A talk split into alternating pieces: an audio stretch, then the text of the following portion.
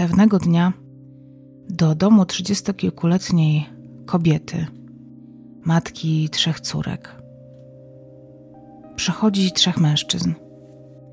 Przedstawiają się jako policjanci, rozmawiają z kobietą, a potem proszą, by poszła z nimi. Tuż przed wyjściem z mieszkania kobieta mówi swoim dzieciom, że to nic takiego, że wróci do nich za dwie godziny, bo to tylko szybka sprawa. Załatwi i wróci. Ale moment, w którym przekroczyła próg własnego mieszkania, jest momentem, który zmienia życie tej rodziny na zawsze. Ponieważ te dwie godziny zamienią się w kilkanaście lat. Co przykładna matka, sąsiadka, sprzedawczyni sklepu mięsnego, pani, która piecze torty na zamówienie, mogła zrobić, żeby trafić do więzienia na tyle lat? Czy takie osoby w ogóle są w stanie popełnić zbrodnię? Poznajcie dzisiaj historię Ireny Wacław.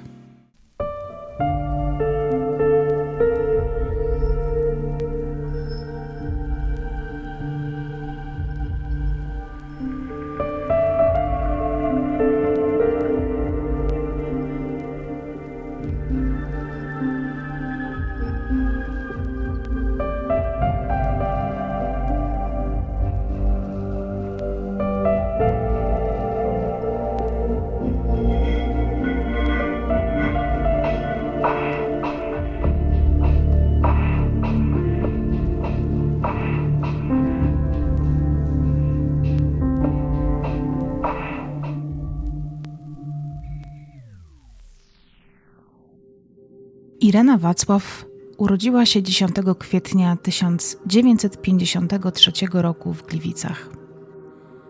Jest matką samotnie wychowującą trzy córki, ponieważ jej mąż ma problem z alkoholem.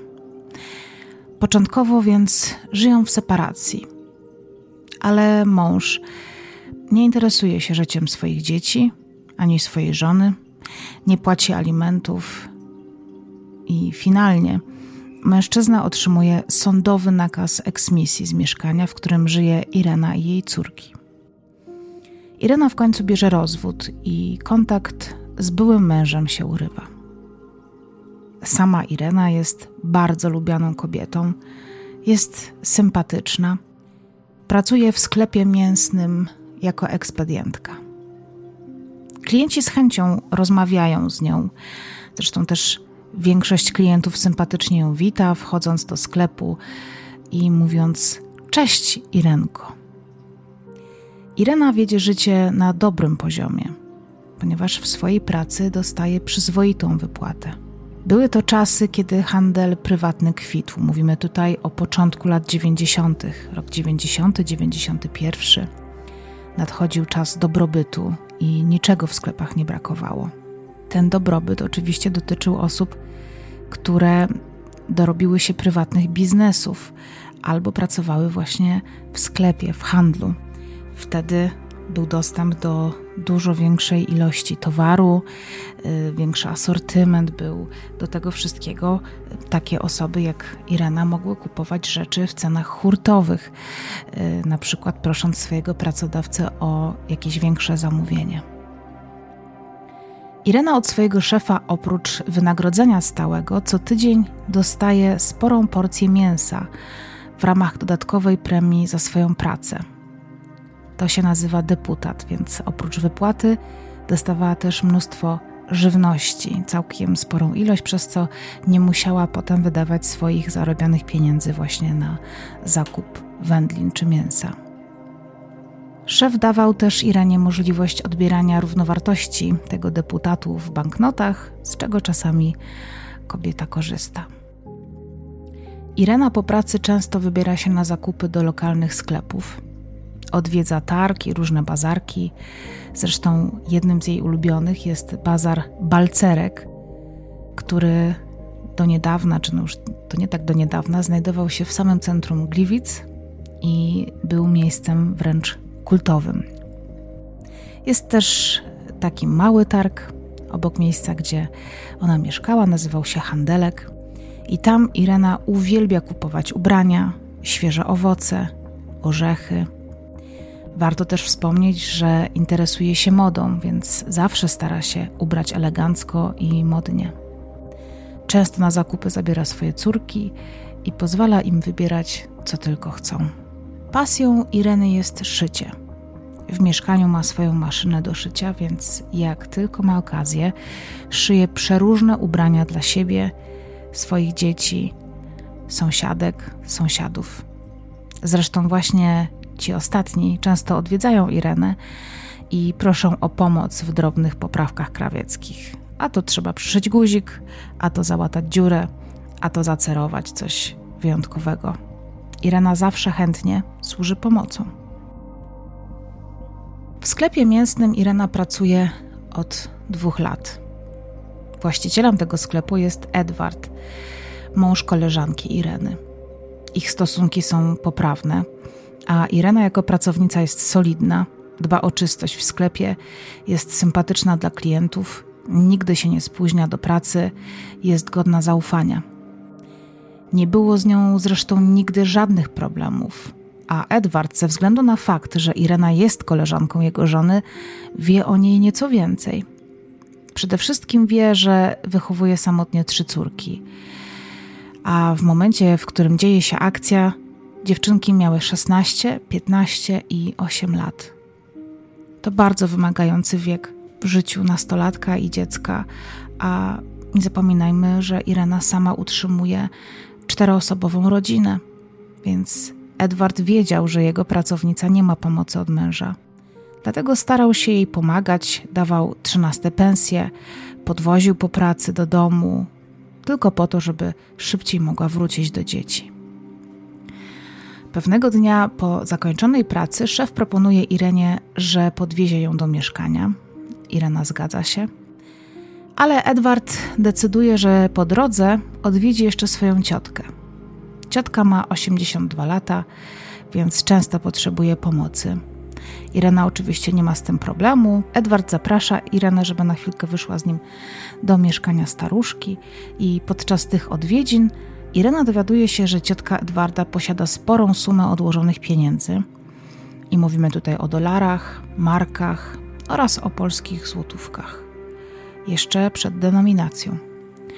Dowiaduje się też, że staruszka ma na imię Stanisława i mieszka z adoptowaną córką której zresztą często nie ma w domu.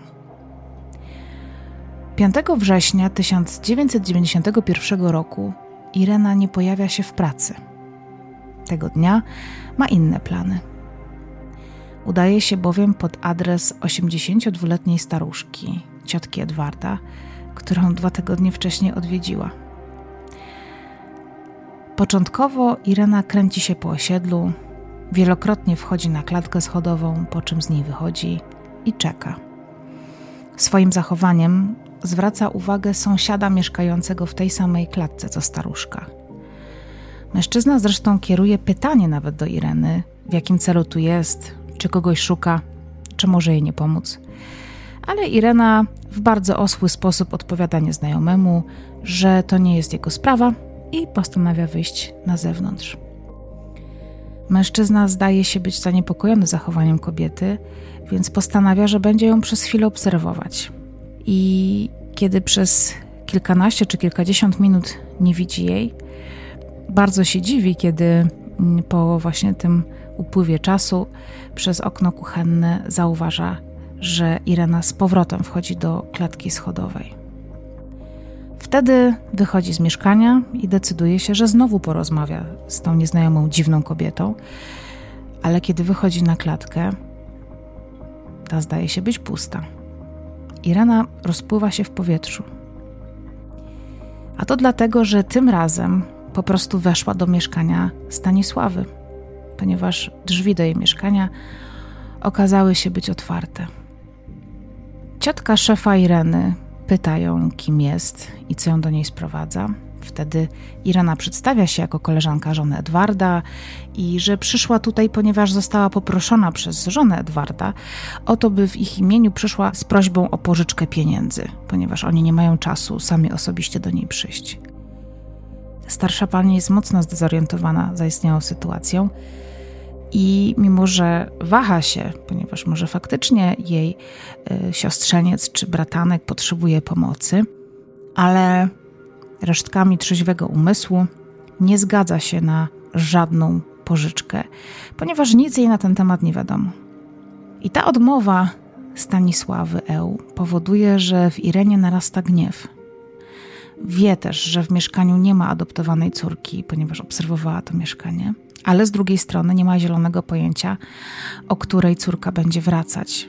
W każdej chwili przecież może wrócić do mieszkania. I pod tą presją Irena postanawia wziąć pieniądze siłą. Staruszka jednak reaguje wołaniem o pomoc i krzykiem, więc w tym momencie Irena podejmuje ostateczną decyzję. Rzuca się na starszą panią, powala ją na podłogę i kiedy szamocze się ze staruszką, do mieszkania zaczyna się dobijać adoptowana córka, która wraca z zakupów. Irena kiedy weszła do tego mieszkania, zadbała o to, by zamknąć mieszkanie od wewnątrz. Córka zaczyna wołać swoją matkę. Irena w obawie, by córka nie usłyszała, co się dzieje w mieszkaniu, przytrzymuje szyję staruszki, a w ręce bierze poduszkę i zaczyna dusić swoją ofiarę.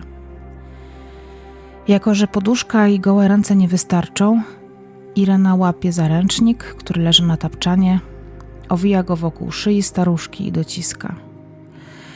Po tym jak ofiara przestaje oddychać, Irena nie może wyjść z mieszkania, przecież na korytarzu pod drzwiami stoi córka zamordowanej przed minutą kobiety.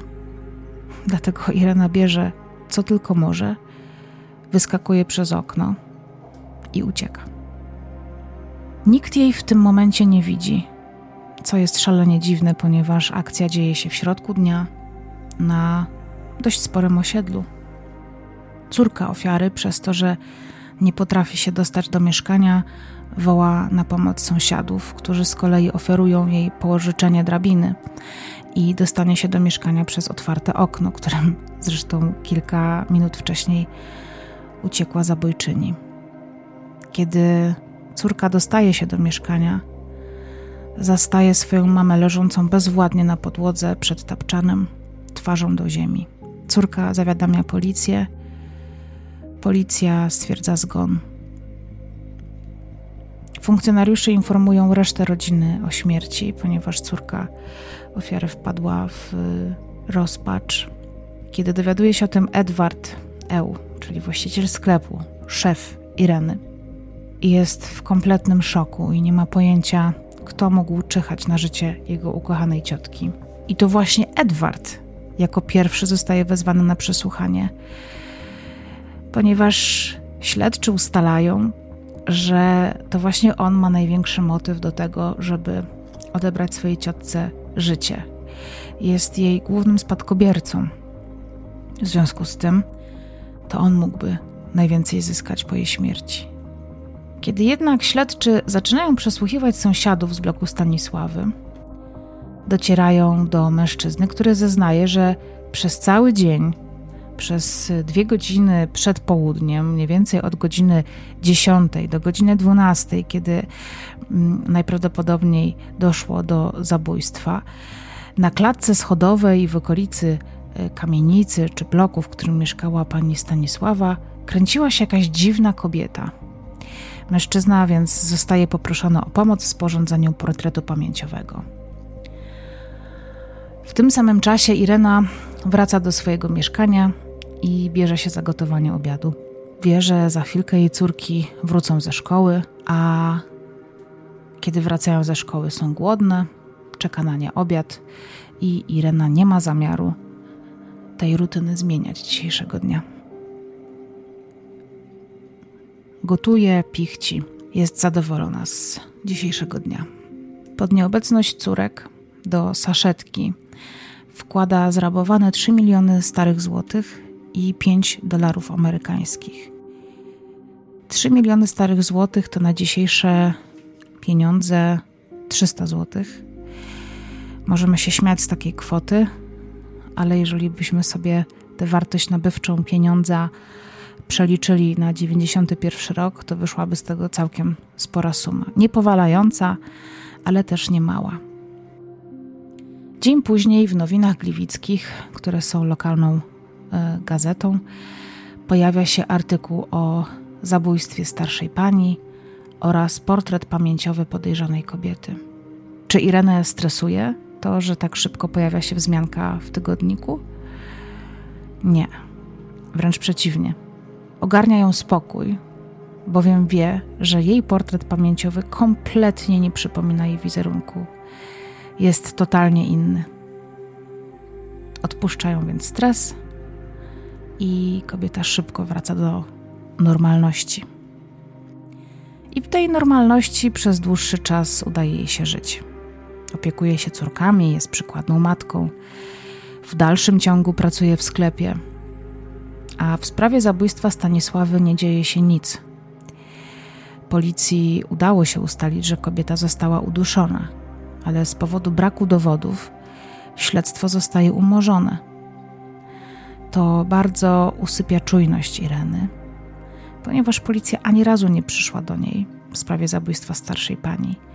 Co więcej, była poza jakimkolwiek podejrzeniem. Wtedy w głowie 38-latki pojawia się niebezpieczna myśl, że skoro za pierwszym razem poszło tak gładko, to przecież za drugim też się uda. Kobieta postanawia zaatakować ponownie. Drugą starszą panią, która pojawia się na liście Ireny, jest matka jej znajomej, a dokładnie matka żony kolegi jej byłego męża. Poniekąd starsza pani jest znana Irenie, ponieważ kiedyś poznała ją podczas uroczystości, jaką organizowali właśnie ci znajomi. A była to niemała uroczystość, ponieważ chrzciny ich córki, czyli wnuczki kolejnej ofiary. Co więcej, jako goście Irena i jej mąż nie mogli być anonimowi albo tacy do pominięcia, ponieważ były mąż Ireny, Alek, miał być ojcem chrzestnym tej dziewczynki. Irena przypomniała sobie, że kiedyś podczas rozmowy z koleżanką, czyli z żoną kolegi swojego byłego męża, a córką przyszłej ofiary, wspomniała ona, że jej matka posiada spore oszczędności. Zresztą kiedyś Irena odwiedziła swoją znajomą w Orzeszu i ta nawet pokazała jej mniej więcej, gdzie jej matka mieszka, pokazując osiedle kamienic, familoków. Dokładnego adresu jednak Irena nie zna. Kto był na Śląsku, wie, że familoki są do siebie bardzo podobne. Jedyne, co Irena wiedziała na temat staruszki, to to, że ma na imię Karolina, ma 78 lat i mieszka razem ze swoim 40-letnim synem Mietkiem, który opiekuje się swoją starszą matką. Mietek zresztą ma żonę, ale często też sypia u swojej matki właśnie ze względu na opiekę nad nią. Mietek jednak nie stanowi dla Ireny większego problemu, ponieważ w ciągu dnia chodzi do pracy.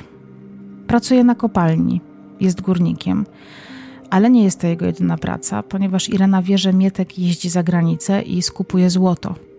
A pani Karolina, jako starsza pani, otrzymuje emeryturę. W głowie Ireny więc następuje całkowite przekonanie, że w tym mieszkaniu, w tej skromnej śląskiej kamienicy, musi się znajdować skarbiec. A na pewno spora suma pieniędzy i jak Irena podejrzewa, złoto. Jedynym jednak problemem dla Ireny jest ustalenie dokładnego adresu. Pół roku po poprzednim zabójstwie, dokładnie 6 lutego 1992 roku, rano udaje się do Orzesza na osiedle górnicze, które wcześniej pokazywała jej znajoma. Irena postanawia po prostu przejść się po osiedlu, może coś jej się przypomni, może zauważy jakiś szczegół. Wchodzi na klatkę schodową pierwszej kamienicy, która wydaje jej się najbardziej podobna do tej, którą pokazywała jej koleżanka, i postanawia zapytać sąsiada, gdzie mieszka Mietek ze swoją matką. Okazuje się, że Irena trafia idealnie, ponieważ mężczyzna od razu podaje jej dokładny adres mieszkania wraz z instrukcjami, jak ma się do niego dostać. I od razu po tym Irena nie udaje się do mieszkania Mietka, ponieważ boi się, że mężczyzna może ją obserwować, a później skojarzyć. Dlatego też Irena opuszcza klatkę, nawet opuszcza osiedle i udaje, że kieruje się w stronę przystanku autobusowego. Tam postanawia odczekać. I to nie czeka krótko, bo czeka godzinę lub nawet dwie, i dopiero po takim czasie idzie pod wskazany adres. Jest około południa, więc Irena ma pewność, że Mietek nadal jest w pracy, a staruszka sama w domu. To też taka godzina, kiedy właściwie z jednej strony możemy trafić na każdego, ponieważ miasto wtedy żyje, starsze osoby chodzą na zakupy, na spacery, matki z dziećmi chodzą z wózkami, ale z drugiej strony jest to totalnie ślepa godzina, ponieważ ludzie, którzy pracują, są wtedy zazwyczaj w domu nieobecni. Więc może wtedy właśnie najłatwiej jest być niewidzialnym. Irena dzwoni do drzwi pani Karoliny. Otwierają się, lecz starsza pani jest ostrożna i drzwi otwiera, ale tylko wtedy, kiedy są zablokowane łańcuszkiem. Zdziwiona pyta Irenę, co ją sprowadza w jej skromne progi, a ta bez wahania mówi, że przyszła w odwiedziny do Mietka, bo powiedział jej, że ma dzisiaj wcześniej wrócić z pracy.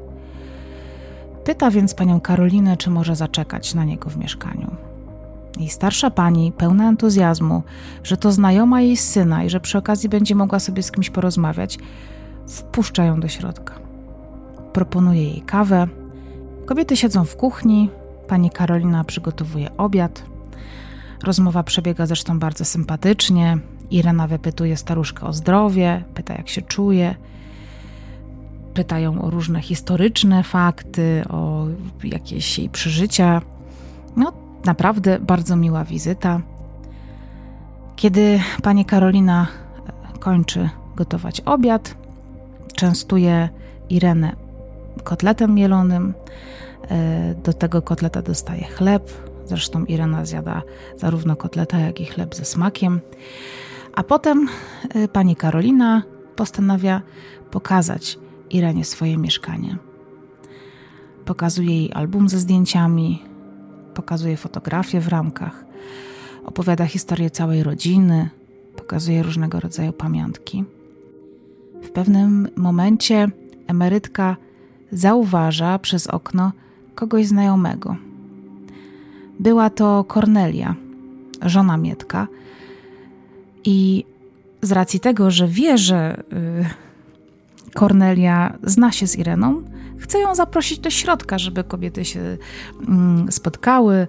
Y, pewnie Kornelia będzie zaskoczona wizytą tak miłego gościa, ale Irena wie, że nie może mieć kolejnych świadków, więc postanawia jakoś odciągnąć szybko uwagę pani Karoliny i do zawołania Kornelii nie dochodzi. Zresztą temat y, właśnie i Kornelii, i opowieści rodzinnej wtedy się urywa. Mija któraś godzina, odkąd Irena wchodzi do mieszkania Karoliny.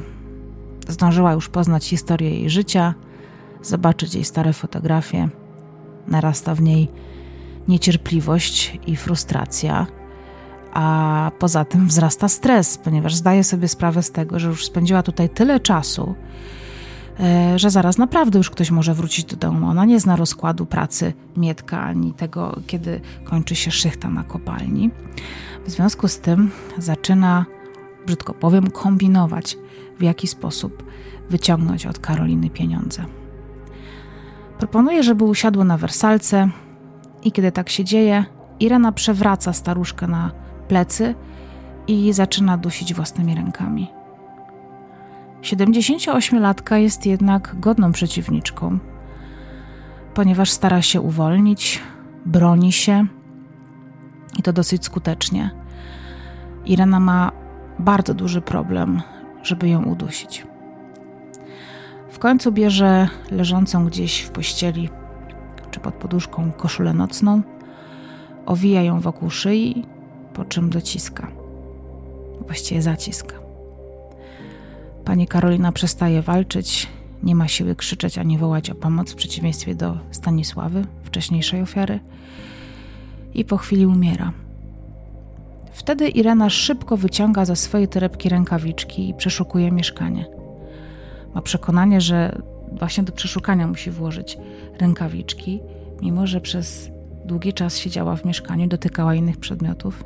Znajduje schowane w poszewce 2,5 miliona starych złotych, zabiera również złotą obrączkę z dłoni staruszki i wychodzi z mieszkania jak gdyby nigdy nic. Kieruje się na przystanek autobusowy i wraca do siebie. Tak samo jak w przypadku pierwszego zabójstwa, Irena po powrocie do domu bierze się za gotowanie obiadu dla swoich córek, a potem zaczyna przygotowywać znajomemu tort na przyjazd jego córki z ferii zimowych.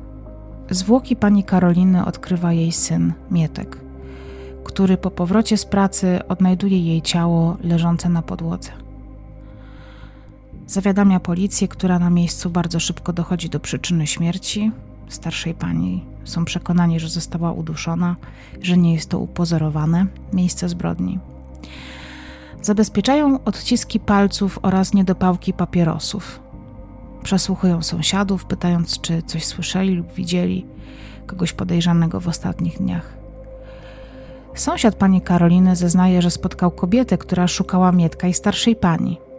Tym razem dokładnie opisuje wygląd, na podstawie którego zostaje sporządzony portret pamięciowy. Tym razem jest bardzo podobny do wizerunku Ireny. Dokładnie po trzech dniach od zbrodni policja odwiedza Irenę w mieszkaniu. Irena przygotowuje tort, tym razem na urodziny córki znajomego. Policjanci zabierają kobietę na przesłuchanie, na komisariat. Irena całuje swoje dzieci, mówi im, że nie wie o co chodzi, ale pociesza je, by niczym się nie martwiły, że na pewno nie może to potrwać długo i że pewnie za jakieś dwie godziny wróci do domu. Ale na miejscu, na komisariacie, w sali przesłuchań, policja zadaje Irenie pytania związane z zabójstwem pani Karoliny. Irena przyznaje, że była wtedy w mieszkaniu starszej pani, ale na pewno jej nie zabiła. Po prostu rozmawiały, oglądały zdjęcia. Policjanci jednak mówią Irenie, że posiadają mnóstwo dowodów, w tym zabezpieczone odciski palców, m.in. na albumie ze zdjęciami, które staruszka pokazywała Irenie podczas ostatnich chwil życia. Ten album był e, na wierzchu i leżał mniej więcej w okolicach miejsca zbrodni. Łatwo więc przypuścić, że ten album przez Irenę był przeglądany y, w niedługim czasie od y, zabójstwa. Policja wspomina również o niedopałkach papierosów, na których zabezpieczono ślinę Ireny. Oprócz tego wspominają o kluczowych zeznaniach sąsiada, który idealnie opisał wygląd nieznajomej kobiety pytającej o staruszkę i Mietka. Ale Irena w dalszym ciągu nie przyznaje się do popełnienia zbrodni i momentem kluczowym w tej sprawie jest przeszukanie mieszkania kobiety, w którym policja znajduje złotą obrączkę należącą do pani Karoliny. Zresztą ta złota obrączka tak naprawdę nie jest ze złota, tylko z tombaku. Jest to dowód kluczowy, po którym najpierw Irena twierdzi, że tę obrączkę otrzymała od swojej teściowej w prezencie, kiedy teściowa zostaje na tę okoliczność przesłuchana, mówi, że nigdy nie dałaby niczego swojej synowej, ponieważ od lat żyły w dużym konflikcie, w bardzo nieprzyjaznych stosunkach i w głowie nigdy by jej się nie pojawiła myśl, żeby czymś obdarować Irenę, swoją wyrodną synową. Kiedy policjanci konfrontują Irenę z tym faktem, kobieta przyznaje się do zabójstwa. Mówi, że jedynym jej motywem była chęć kradzieży pieniędzy należących do kobiety. Co ciekawe, policjanci y, z Orzesza, ponieważ rzecz się dzieje w Orzeszu, przypominają sobie o historii, którą słyszeli od któregoś ze śledczych, który pracował w Gliwicach na temat zabójstwa mm, sprzed pół roku, zabójstwa staruszki y, w dzielnicy Gliwic w Sośnicy. E, modus operandi bardzo podobny. Kobieta została uduszona, przewrócona na twarz, ponieważ obie kobiety zostały znalezione leżąc e, na twarzy, e, więc zaczęto porównywać te sprawy i okazało się, że również i tam ktoś mówił o dziwnie zachowującej się kobiecie, więc skonfrontowano Irenę z tym zabójstwem. I bardzo szybko Irena przyznaje się również do zabójstwa pani Stanisławy. Zresztą bardzo szybko i bardzo szczegółowo wszystko wyjawia. Podczas zeznań zresztą wypowiada takie słowa, które już całkowicie upewniają śledczych o tym, że mają do czynienia ze sprawczynią, ponieważ mówi Irena, że obie staruszki po zabójstwie odwracałam na brzuch, żeby nie patrzeć na ich twarz. Jak łatwo się domyślić, Irena Wacław po tym przesłuchaniu już nie wraca do domu. Został dla niej zastosowany tymczasowy areszt. Kobieta zostaje poddana badaniom psychiatrycznym, które wskazały, że Irena ma poważne zaburzenia cech osobowości.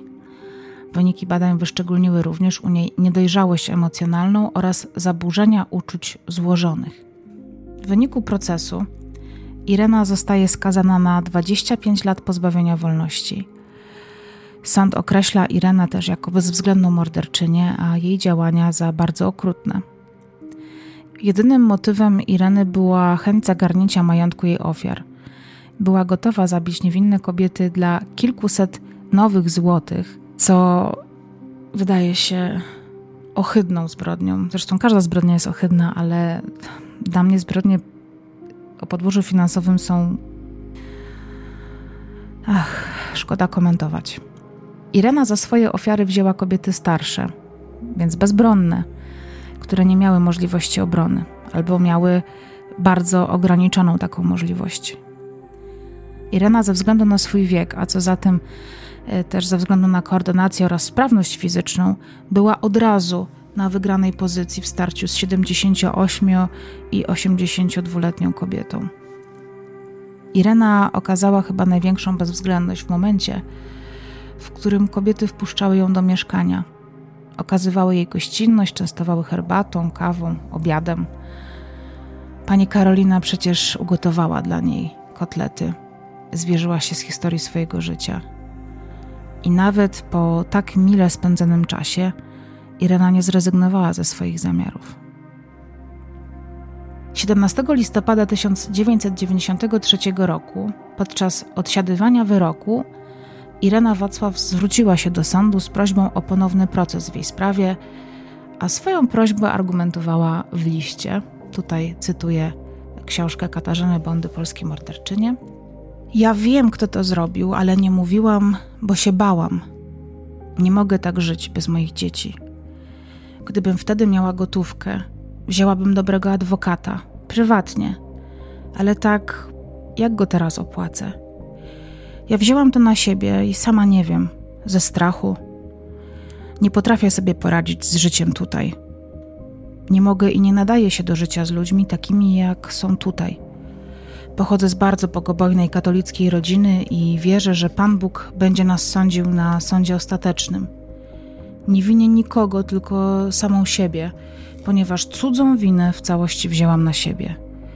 Był ze mną mężczyzna, którego ukrywałam, bo oświadczył, że zemści się na mnie i dzieciach i rodzinie. Prośby Ireny jednak nie zostały wysłuchane. Sąd stwierdził, że w przypadku Ireny zbrodnie były zaplanowane, przemyślane i nieprzypadkowe. Ale kobieta nie poddawała się i prośbę o złagodzenie kary lub o ponowny proces składała jeszcze czterokrotnie. Za każdym razem decyzja sądu była negatywna. Po kilku latach odsiadywania wyroku, Irena Wacław całkowicie zmieniła swoje zeznania. Jak twierdziła, błędnie przyznała się do winy, ponieważ nie działała sama. W obydwu morderstwach miała wspólnika, którym miał być jej zaufany przyjaciel Stanisław. Pewnego dnia podobno przyszedł do Ireny i powiedział jej, że potrzebuje pieniędzy na już. Irena wspomniała mu wtedy o pani Stanisławie, mając na myśli zwrócenie się do niej o pożyczkę. Chociaż w programie Cela Numer, podczas rozmowy z Edwardem Miszczakiem, nie mówiła o pożyczce, tylko mówiła właśnie o tym, że powiedziała Stanisławowi o tym, że ta kobieta. Znaczy, nie mówiła o kradzieży, tylko mówiła o czymś takim, że powiedziałam Stanisławowi o tym, że jest kobieta, która ma adoptowaną córkę, której często nie ma w domu i że wtedy można pod nieobecność tej córki przyjść. No. Z kontekstu wynikało, że mówiła mu o tym, jak kobietę najprościej okraść. Zresztą potem powiedziała, że chodziło im tylko o zabór mienia. Tego dnia, kiedy doszło do pierwszego morderstwa, Stanisław miał towarzyszyć Irenie. I według Ireny to właśnie ona była tą osobą, która rozmawiała ze staruszką i chciała ją nakłonić do pożyczenia pieniędzy, ale Stanisław, kiedy zauważył, że starsza pani się mm, do tego nie pali i nie ulega prośbom, rzucił się na nią i zaczął dusić. Taki sam przebieg miało drugie morderstwo według oczywiście Ireny Wacław ponieważ kobieta miała wejść do mieszkania pani Karoliny. Stanisław miał oczekiwać przed kamienicą, jednak wszystko trwało zbyt długo, więc postanowił wejść do mieszkania starszej pani. I wtedy pani Karolina y, usłyszała, że ktoś inny jest jeszcze w mieszkaniu, zaniepokoiło ją to. Y, zapytała Ireny, Irena się zdenerwowała, zaprzeczała, że cokolwiek słychać, i wtedy Stanisław się wkurzył, zaatakował ją i okradł. Irenie wręczył obrączkę staruszki i stąd wziął się jedyny dowód w sprawie przeciwko Irenie Wacław. Jednak e, kobieta nigdy nie pomogła policji namierzyć pana Stanisława, nie powstrzymała go przed czynami, nie powiedziała o nim na początku. Stąd zresztą informacja o istnieniu wspólnika w dwóch morderstwach jest, yy, delikatnie mówiąc, wątpliwa. Czas w więzieniu Irena spędza dość spokojnie, ale nie czuje się w odosobnieniu najlepiej, nie potrafi się odnaleźć. Męczy ją nieustanne towarzystwo, przymus dogadywania się ze współwięźniami. Irena marzy o tym, by wyjść. W więzieniu jednak uchodzi za bardzo miłą i sympatyczną kobietę. Wszyscy zwracają się do niej per nasza pani Irenka. Zresztą Pani Irenka aktywnie służy w kuchni więziennej, gdzie gotuje i piecze pyszne rzeczy. I to właśnie dzięki temu gotowaniu udaje jej się trochę zapomnieć o jej codzienności. Córki Ireny na początku odwiedzają ją, chociaż dość rzadko. Później jednak zrywają z nią kontakt. Środkowa z nich zamieszkuje w mieszkaniu, w którym Irena Wacław przed zatrzymaniem mieszkała ze swoimi dziećmi. Każda zresztą z córek e, Ireny założyła własną rodzinę, zmieniła nazwisko. Jedna z nich napisała do Ireny list, w którym powiedziała, że straciła wiarę w Boga przez tę sytuację, ponieważ nie potrafi wybaczyć swojej matce tego, co zrobiła. A stanowisko wszystkich córek jest takie, że skoro był jakiś Stanisław, za którego ich matka siedzi w więzieniu, uniemożliwiając im normalne życie, ponieważ każda z nich zasługiwała na posiadanie matki, a ich dzieci zasługiwały na babcie, to skoro, żeby ukrywać tego rzekomego wspólnika, Irena poświęca swoją obecność w życiu własnych dzieci, E, to pokazuje jasno, że jakiś obcy mężczyzna, którego nikt nigdy na oczy nie widział, jest ważniejszy od córek. I że w takim razie on ją odwiedza. I że dla córek jest to nie do przeżycia i proszą o uszanowanie ich decyzji, że nie chcą mieć w swoim otoczeniu takiej osoby jak matka, która odebrała życie dwóm osobom, zniszczyła życie całej swojej rodzinie – E, i która skrzywdziła wszystkich swoich bliskich, ponieważ matka na przykład Ireny była szykanowana w miejscu zamieszkania. Nie była w stanie spokojnie pójść do sklepu, była wyzywana od matek zabójczyń. Córki zresztą też nie miały lekkiego życia. Co ciekawe, Irena w dalszej części odsiadywania swojego wyroku zostawała czterokrotnie wypuszczana na przepustkę. I co w tym wszystkim jest wyjątkowe, to fakt, że y, została wypuszczona z zakładu karnego decyzją kierowniczki penitencjarnej, a takie decyzje wydawać może właściwie tylko sędzia penitencjarny. W wyjątkowych sytuacjach może to zrobić y, kierowniczka, czy tam kierownik. Ale Irena miała bardzo dobrą relację z ową kierowniczką, która po latach znajomości sprawiła Irenie niesamowitą przysługę i wychodziła z Ireną osobiście na przepustki 3 czy 4 godzinne, biorąc na siebie odpowiedzialność za skazaną. W 2012 roku Irena otrzymuje decyzją sądu zgodę na przedterminowe zwolnienie warunkowe, dokładnie po 19 latach i 6 miesiącach. Jedynym jej obowiązkiem było regularne zgłaszanie się na policję w trakcie tego warunkowego zwolnienia. Ze względu na fakt, że jedna z córek zamieszkała wraz ze swoim mężem i dziećmi w jej mieszkaniu, oraz ze względu na to, że żadna z latorośli od ponad 10 lat nie nawiązała żadnego kontaktu ze swoją matką, Irena po wyjściu z więzienia trafiła do ośrodka dla kobiet bezdomnych Agape. Jest to prawdopodobnie ośrodek w Wiśle. Jednak w trakcie tego zwolnienia warunkowego Irena nie stosowała się absolutnie do zaleceń policji i po kilku dniach opuściła samowolnie ten ośrodek Agape oraz przestała się zgłaszać na policję. Pracownicy tego ośrodka zgłosili więc policji, że Irena nie wróciła do nich po jednym z wyjść. Podobno w tym czasie Irena z tego ośrodka pojechała do Gliwic. Wisła no nie jest jakoś super blisko, ale do Gliwic można dojechać nawet bezpośrednim pociągiem i próbowała nawiązać kontakt z córkami. W wyniku tego zdarzenia prokuratura wniosła o cofnięcie warunkowego zwolnienia, ale Ireny już policja nie mogła namierzyć. Stąd też, jeżeli wpiszemy sobie w Google dzisiaj e, imię i nazwisko Ireny Wacław, wyskoczą nam listy gończe z 2012 roku, ponieważ to właśnie od 2012 do 2014 roku Irena była poszukiwana listem gończym właśnie za to samowolne opuszczenie ośrodka Agapy i nie stawianie się na komisariacie. Co też pokazuje, ponieważ w książce na przykład Katarzyny Bondy jest yy, opisane, jak bardzo Irenie zależy na tym, żeby wyjść z więzienia, że ona zrobi wszystko, żeby być na wolności. Kiedy się na niej znalazła, to nie zrobiła nic, żeby tę wolność yy, uszanować. Po ponad dwuletnich poszukiwaniach została zatrzymana w mieszkaniu pewnego mężczyzny na terenie Gliwic. Co to był za mężczyzna? Jak udało się ustalić, był wysoko postawionym, szanowanym panem, który cieszył się bardzo dobrą opinią w swoim środowisku, ale niestety ten ich związek został przerwany, ponieważ Irena trafiła z powrotem do zakładu karnego w Lublińcu.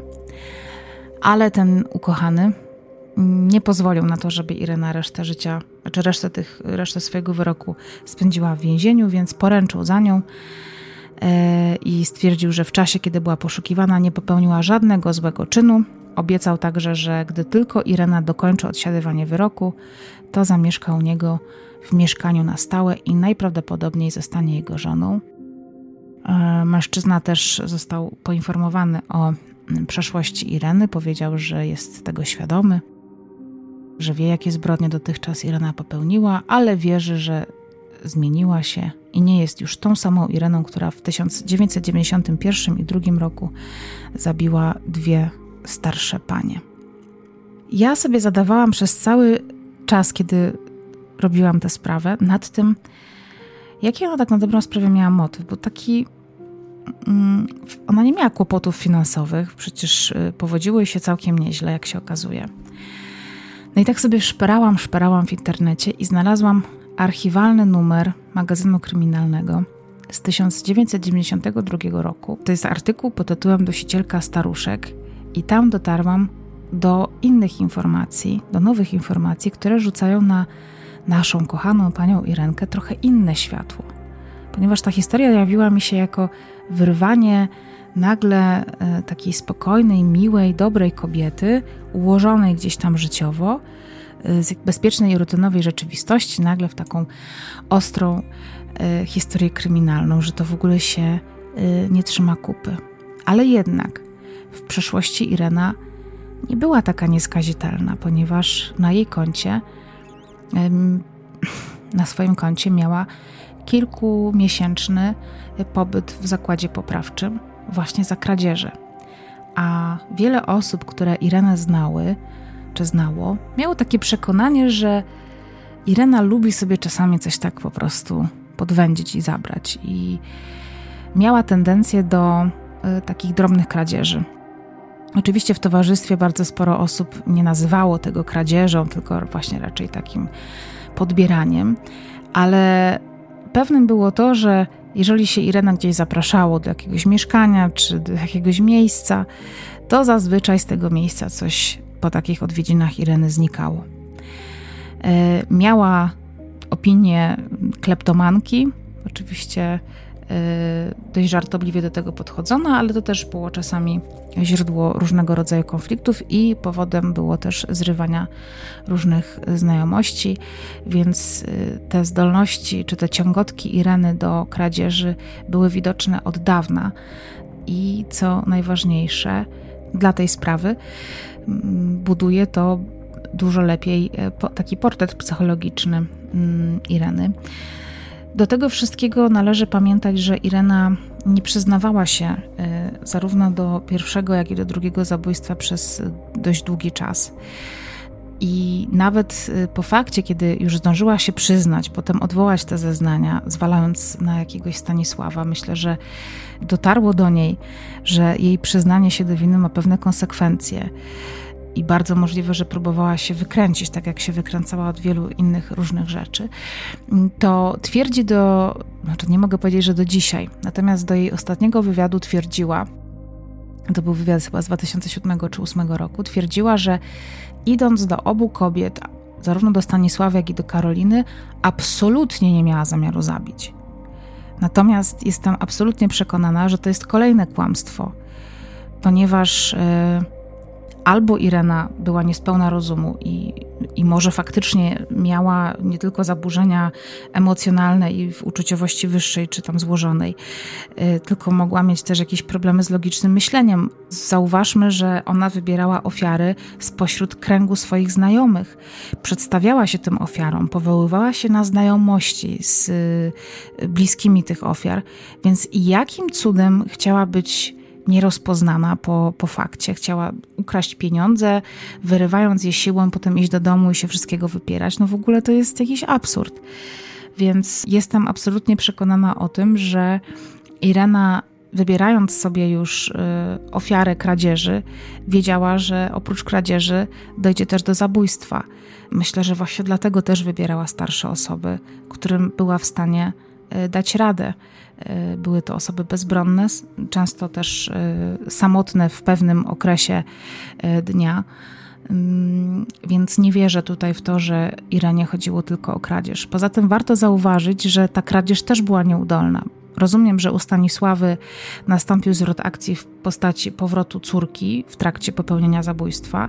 Co ciekawe, Irena zamiast uciec i jeszcze ocalić kobiecie życie i narazić się w ogóle na demaskację, no chociaż naraziłaby się pewnie gdyby kobieta żyła, więc też rozumiem, znaczy rozumiem, tutaj mówię w cudzysłowie, że jednak zabójstwo było jedyną opcją, ale pomyślmy sobie tylko, w jakiej presji, pod jaką presją ona e, tego zabójstwa dokonała, kiedy y, mieszkanie było na parterze, można było do tego mieszkania wejść w każdej chwili, właśnie też po drabinie.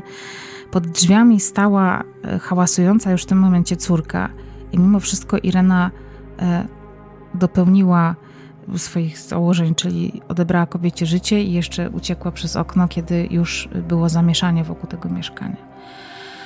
E, no, coś niezwykłego, niezwykłe, wyra- mówię tutaj o niezwykłości takiego wyrachowania i, i tego zaprzeczania i umniejszania swojej winy. Jestem ciekawa, jakby dzisiaj e, eksperci przebadali mm, psychologicznie właśnie Irenę Wacław co by powiedzieli. Nie mam pojęcia, czy kobieta ma kontakt z córkami. Mm, z tego co wiem, żyje, mieszka w Gliwicach, ale nic więcej na ten temat nie wiem i jestem ciekawa, czy życie, które dzisiaj Irena Wacław prowadzi, jest dobrym, uczciwym i spokojnym życiem, które nie czyni krzywdy innym osobom, oraz jej bliskim. To, co możemy z tej sprawy wyciągnąć, to może to, żeby nie mówić innym o tym, gdzie mamy pieniądze, jakie mamy pieniądze. Mm, może nie dzielmy się tak bardzo swoimi, czy takimi życiowymi, naszymi harmonogramami dnia obcym ludziom, albo nawet takim niezbyt zaufanym. A jeżeli mamy na przykład pojęcie o czyimś harmonogramie dnia, to też nie dzielmy się tą wiedzą z innymi, ponieważ właśnie tutaj w obu przypadkach to właśnie takie opowiadanie o czyichś zwyczajach i o czyjejś majątności i o tym, mm, że na przykład osoba ma jakieś kosztowności, które zresztą przechowuje gdzieś w mieszkaniu, mm, sprawiły, że ktoś zły usłyszał, że te informacje trafiły do bardzo złej osoby, która postanowiła je wykorzystać. Co ciekawe, właśnie, bo o tym jeszcze zapomniałam, że Irena mogła z tych mieszkań wyciągnąć dużo więcej kosztowności. Jedna z kobiet przechowywała y, naprawdę duży majątek w piecu kaflowym, y, przechowywała też złoto, które było w meblościance czy tam w kredensie i te kosztowności nie zostały zabrane. Irena Wacław tak naprawdę ukradła tym kobietom bardzo niewielkie kwoty, stosunkowo niewielkie do tego, co mogła faktycznie e, z tych mieszkań zabrać, i możemy uznać właśnie to za cenę ich życia, co tylko wzmacnia ohydność tej zbrodni. Dziękuję Wam za uwagę. Życzę Wam wszystkiego dobrego. Dbajcie o siebie i bądźcie bezpieczni. Do usłyszenia.